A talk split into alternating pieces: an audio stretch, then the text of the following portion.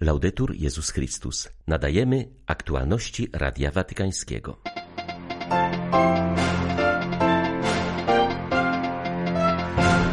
Chrześcijańskie rekolekcje to nie wakacje typu wellness, przypomina Ojciec Święty. W czwartek w Watykanie uczczeni zostaną zamordowani w 2015 roku koptyjscy męczennicy z Libii. Patriarcha Taładros II podarował papieżowi ich relikwie. Oratorium w Oksfordzie odnotowuje rekordową liczbę wniosków o przyjęcie do Kościoła katolickiego. Dziełu patronuje święty John Henry Newman, były profesor tamtejszego uniwersytetu. 13 lutego wita Państwa Krzysztof Bronk. Zapraszam na serwis informacyjny. Z powodu nieustannej presji i napięć w obsesyjnie konkurencyjnym społeczeństwie rekolekcje mające na celu naładowanie baterii stały się bardzo popularne. Jednak chrześcijańskie rekolekcje bardzo różnią się od wakacji typu wellness, przypomina papież. Ojciec Święty podjął ten temat we wstępie do książki pod tytułem Najpierw należeć do Boga. W nowej publikacji znalazły się fragmenty z nauk Franciszka, jakie dawał podczas prowadzonych przez siebie rekolekcji jeszcze jako ksiądz, a potem kardynał.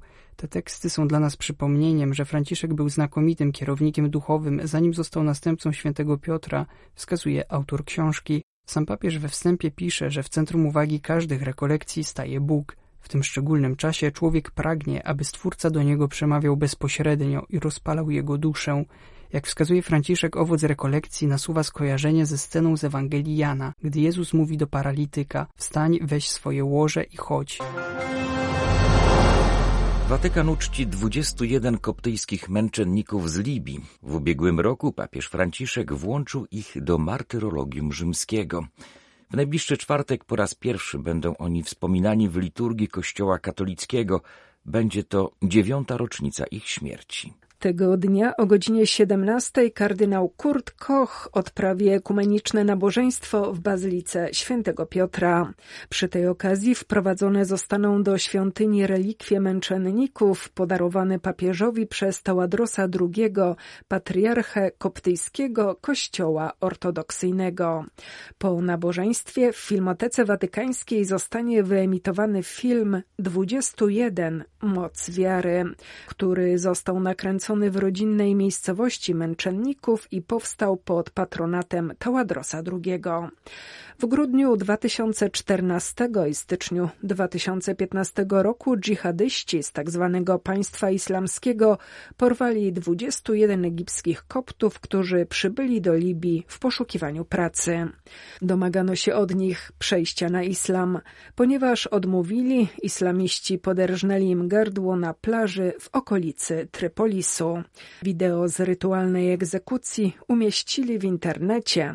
Stało się ono świadectwem wiary. Widać, jak przed śmiercią męczennicy przywołują Jezusa. W niedzielę 28 kwietnia papież odwiedzi Wenecję. Informacje podały wspólnie Watykańska Dykasteria do spraw kultury i edukacji oraz miejscowa archidiecezja. Ojciec Święty odwiedzi pawilon stolicy apostolskiej na 60. Międzynarodowej Wystawie Sztuki La Biennale di Venezia. Złoży również wizytę w więzieniu dla kobiet, a także spotka się ze wspólnotą kościelną Patriarchatu Wenecji. Oratorium w Oksfordzie odnotowało niespodziewany wzrost wniosków o sakrament chrztu lub bierzmowania, albo też przyjęcie do pełnej komunii z Kościołem katolickim. Z tego powodu po raz pierwszy trzeba było zorganizować kurs dla dorosłych chcących stać się katolikami. Początkiem lutego zakończył się liturgią, na której dziesięć osób przyjęło bierzmowanie. Jak informują Filipini, uzbierała się już kolejna grupa chętnych i trwa druga edycja kursu. Grupa świeżo bierzmowanych jest zróżnicowana. Nie tylko pochodzą z różnych narodów, ale także z różnych środowisk w odniesieniu do wiary. Pięcioro z nich dopiero niedawno przyjęło chrzest, trzech wychowało się w tradycji protestanckiej, dwóch zaś pochodzi z rodzin katolickich. Jak informują Filipini z Oksfordu, dotychczas starali się oni unikać prowadzenia kursów grupowych i oferowali indywidualne prowadzenie dla osób chcących dołączyć do kościoła katolickiego. Inspiracją był dla nich święty Filip Neri, który prowadził do nawrócenia raczej przez osobiste rozmowy niż przez publiczne głoszenie. W ciągu lata ubiegłego roku zgłosiło się jednak aż 20 osób zainteresowanych przyjęciem sakramentów chrztu lub bierzmowania. Przyjęcie formy grupowej okazało się przynosić dobre rezultaty. Po raz pierwszy dorośli nawróceni mogli się poznać i wspierać nawzajem podczas procesu poznawania nauki Kościoła, piszą Filipini. Jak dodają, ten wzrost Kościoła niesie przesłanie. Mówi nam, że cokolwiek nie działoby się w świecie, Bóg nigdy nie przestaje wzywać swych dzieci, aby powróciły. To wielka radość być blisko ludzi, którzy odpowiadają na to Boże wezwanie i widać ich we wspólnocie Kościoła, podkreślają Filipini. Francuzi zatracają dziś rzeczywisty kontakt z Kościołem. W przeszłości każdy, choćby był największym antyklerykałem, miał w rodzinie księdza czy zakonnicę. Dziś już tak nie jest. W rezultacie obraz Kościoła, jaki do nich dociera, pochodzi z zewnątrz, a ten, który obecnie dominuje, jest zniechęcający, uważa francuski historyk Kościoła współczesnego, profesor Guillaume Quichet. Przyznaje, że w coraz mniejszej wspólnocie wiernych coraz większą rolę odgrywają nurty konserwatywne. Wywiadzie dla tygodnika Famille Chrétienne wskazuje na opublikowane w ubiegłym roku, a mało nagłośnione wyniki badań Krajowego Instytutu Studiów Demograficznych, które świadczą o drastycznym kurczeniu się kościoła we Francji. Wynika z nich, że w latach 2008-2020 odsetek katolików w wieku od 18 do 59 lat spadł z 43 do 25%. Innym faktem jest również to, że w tym kurczącym się pod względem liczebnym kościele coraz większą rolę odgrywa nurt konserwatywny. Jedną z tego przyczyn stanowi rozczarowanie Soborem Watykańskim II. W odczuciu wielu katolików poczyniono wiele starań, by dostosować się do soborowych przemian, ale wysiłki te nie przyniosły oczekiwanych rezultatów. Profesor Couchet przypomina jednak, że nasilający się dziś podział między tradycjonalistami i liberałami istnieje w Kościele od XIX wieku. Z jednej strony mamy katolików, którzy utrzymują antagonistyczne relacje ze współczesnym światem i przykładają dużą wagę do przekazu wiary, ryzykując przy tym zejściem do bunkrów. Z drugiej strony są wierni, którzy odznaczają się większą wrażliwością na konieczne ich zdaniem zmiany w swej religii, ale grozi im rozpłynięcie się w świecie. Francuski historyk zauważa, że choć obecnie to właśnie nurt konserwatywny ma wiatr w żagle, to jednak katolicyzm potrzebuje też pewnego otwarcia. Dlatego jako zewnętrzny obserwator życia Kościoła postuluje większą wzajemną otwartość. Po soborze zauważa, wiele mówiło się o ekumenizmie. Myślę, że trzeba go również zastosować do wewnątrz. Trzeba, aby katolicy różnych wrażliwości mogli ze sobą rozmawiać, dodaje profesor Couchet. Niestety potrzeb jest tak wiele, że często po prostu brakuje środków. Mam na myśli te rejony, w których nie ma kapelana ani psychologa, a ludzie po prostu umierają, mówiąc symbolicznie, i psychologicznie bardzo szybko schodzą na dno. Tak o sytuacji na Ukrainie mówi ksiądz Roman Paweł Montecki, Grecko-katolicki kapłan odeskiego egzarchatu jest kapelanem i psychologiem szpitalnym w Libuszywce w południowej części kraju. Jest bardzo ciężko, ponieważ to, co było tradycyjnym zasobem, takim jak rodzina, często znika. Za przykład podam pewną kobietę, starszą panią mającą około 60 lat. Wszystkie jej córki i wnuki wyjechały za granicę. W domu została sama. Jej jedynym pocieszeniem jest praca. Pracuje do piątej, a potem wraca do domu. A co może robić od piątej do dziewiątej? Cały czas mówię ludziom, żeby szukali znaczeń, wartości, wewnętrznych zasobów, ale to działa bardzo różnie. Ktoś potrafi je znaleźć, ktoś nie. Ludzie mają różne predyspozycje, różne punkty wyjścia i to, o czym wspomniano, zmęczenie, irytacja, to wszystko tam jest. W Watykanie trwa zgromadzenie ogólne Papieskiej Akademii Życia. Ponad 20 naukowców z całego świata dyskutuje nad tematem człowieczeństwa w perspektywie wyzwań związanych z rozwojem technologii. Istnieje prawdziwa pokusa, aby uczynić z techniki nową religię współczesnego świata, mówi arcybiskup Vincenzo Paglia, prezes Papieskiej Akademii Życia. Mamy w Piśmie Świętym, w tradycji Kościoła niezwykłe perspektywy dotyczące godności człowieka, która dla nas jest zawsze związana z rodziną ludzką i troską o stworzenie. To my, ludzie, wynaleźliśmy technologię.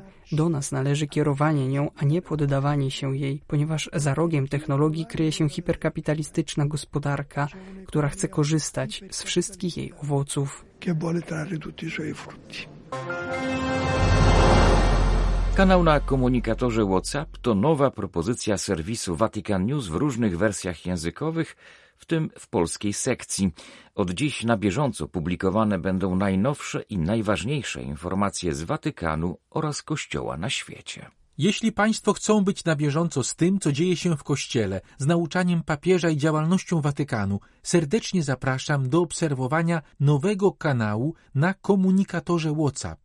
Od dziś są tam publikowane treści Radia Watykańskiego i portalu Vatican News. Aby zacząć obserwować ten nowy kanał informacyjny Stolicy Apostolskiej, wystarczy wejść na link, który jest podany na naszej stronie internetowej. Przypomnę www.vaticannews.va łamane przez PL. Link ten jest również na Twitterze i na Facebooku pod adresem vaticannews.pl. Serdecznie zapraszamy. Jan Paweł II Teologia ciała Chrystus powiedział: Słyszeliście, iż powiedziano: Nie będziesz cudzołożył. A ja wam powiadam, każdy, kto patrzy na niewiastę, na kobietę, aby jej pożądał, już ją cudzołożył w swoim sercu.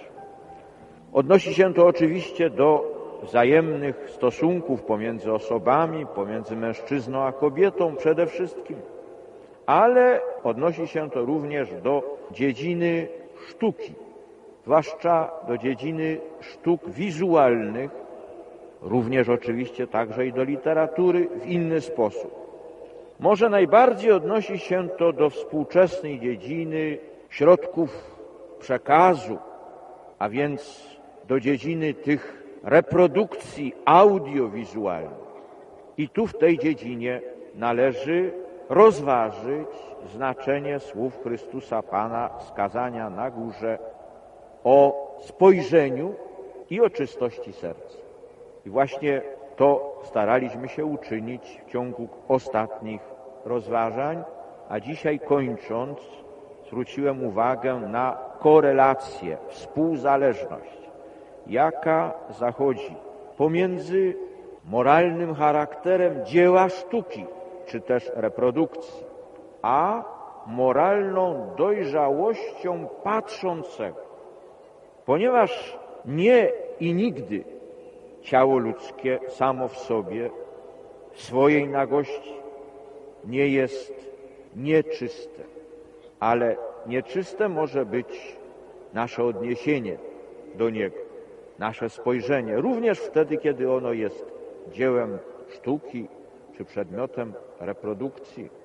Może nawet w pewnych wypadkach, szczególnie wtedy, kiedy w reprodukcjach czy w dziełach o to chodzi, ażeby przede wszystkim pobudzić zmysłowość, a nie o to, ażeby ujawnić wielką prawdę o człowieku, która dotyczy również jego ciała.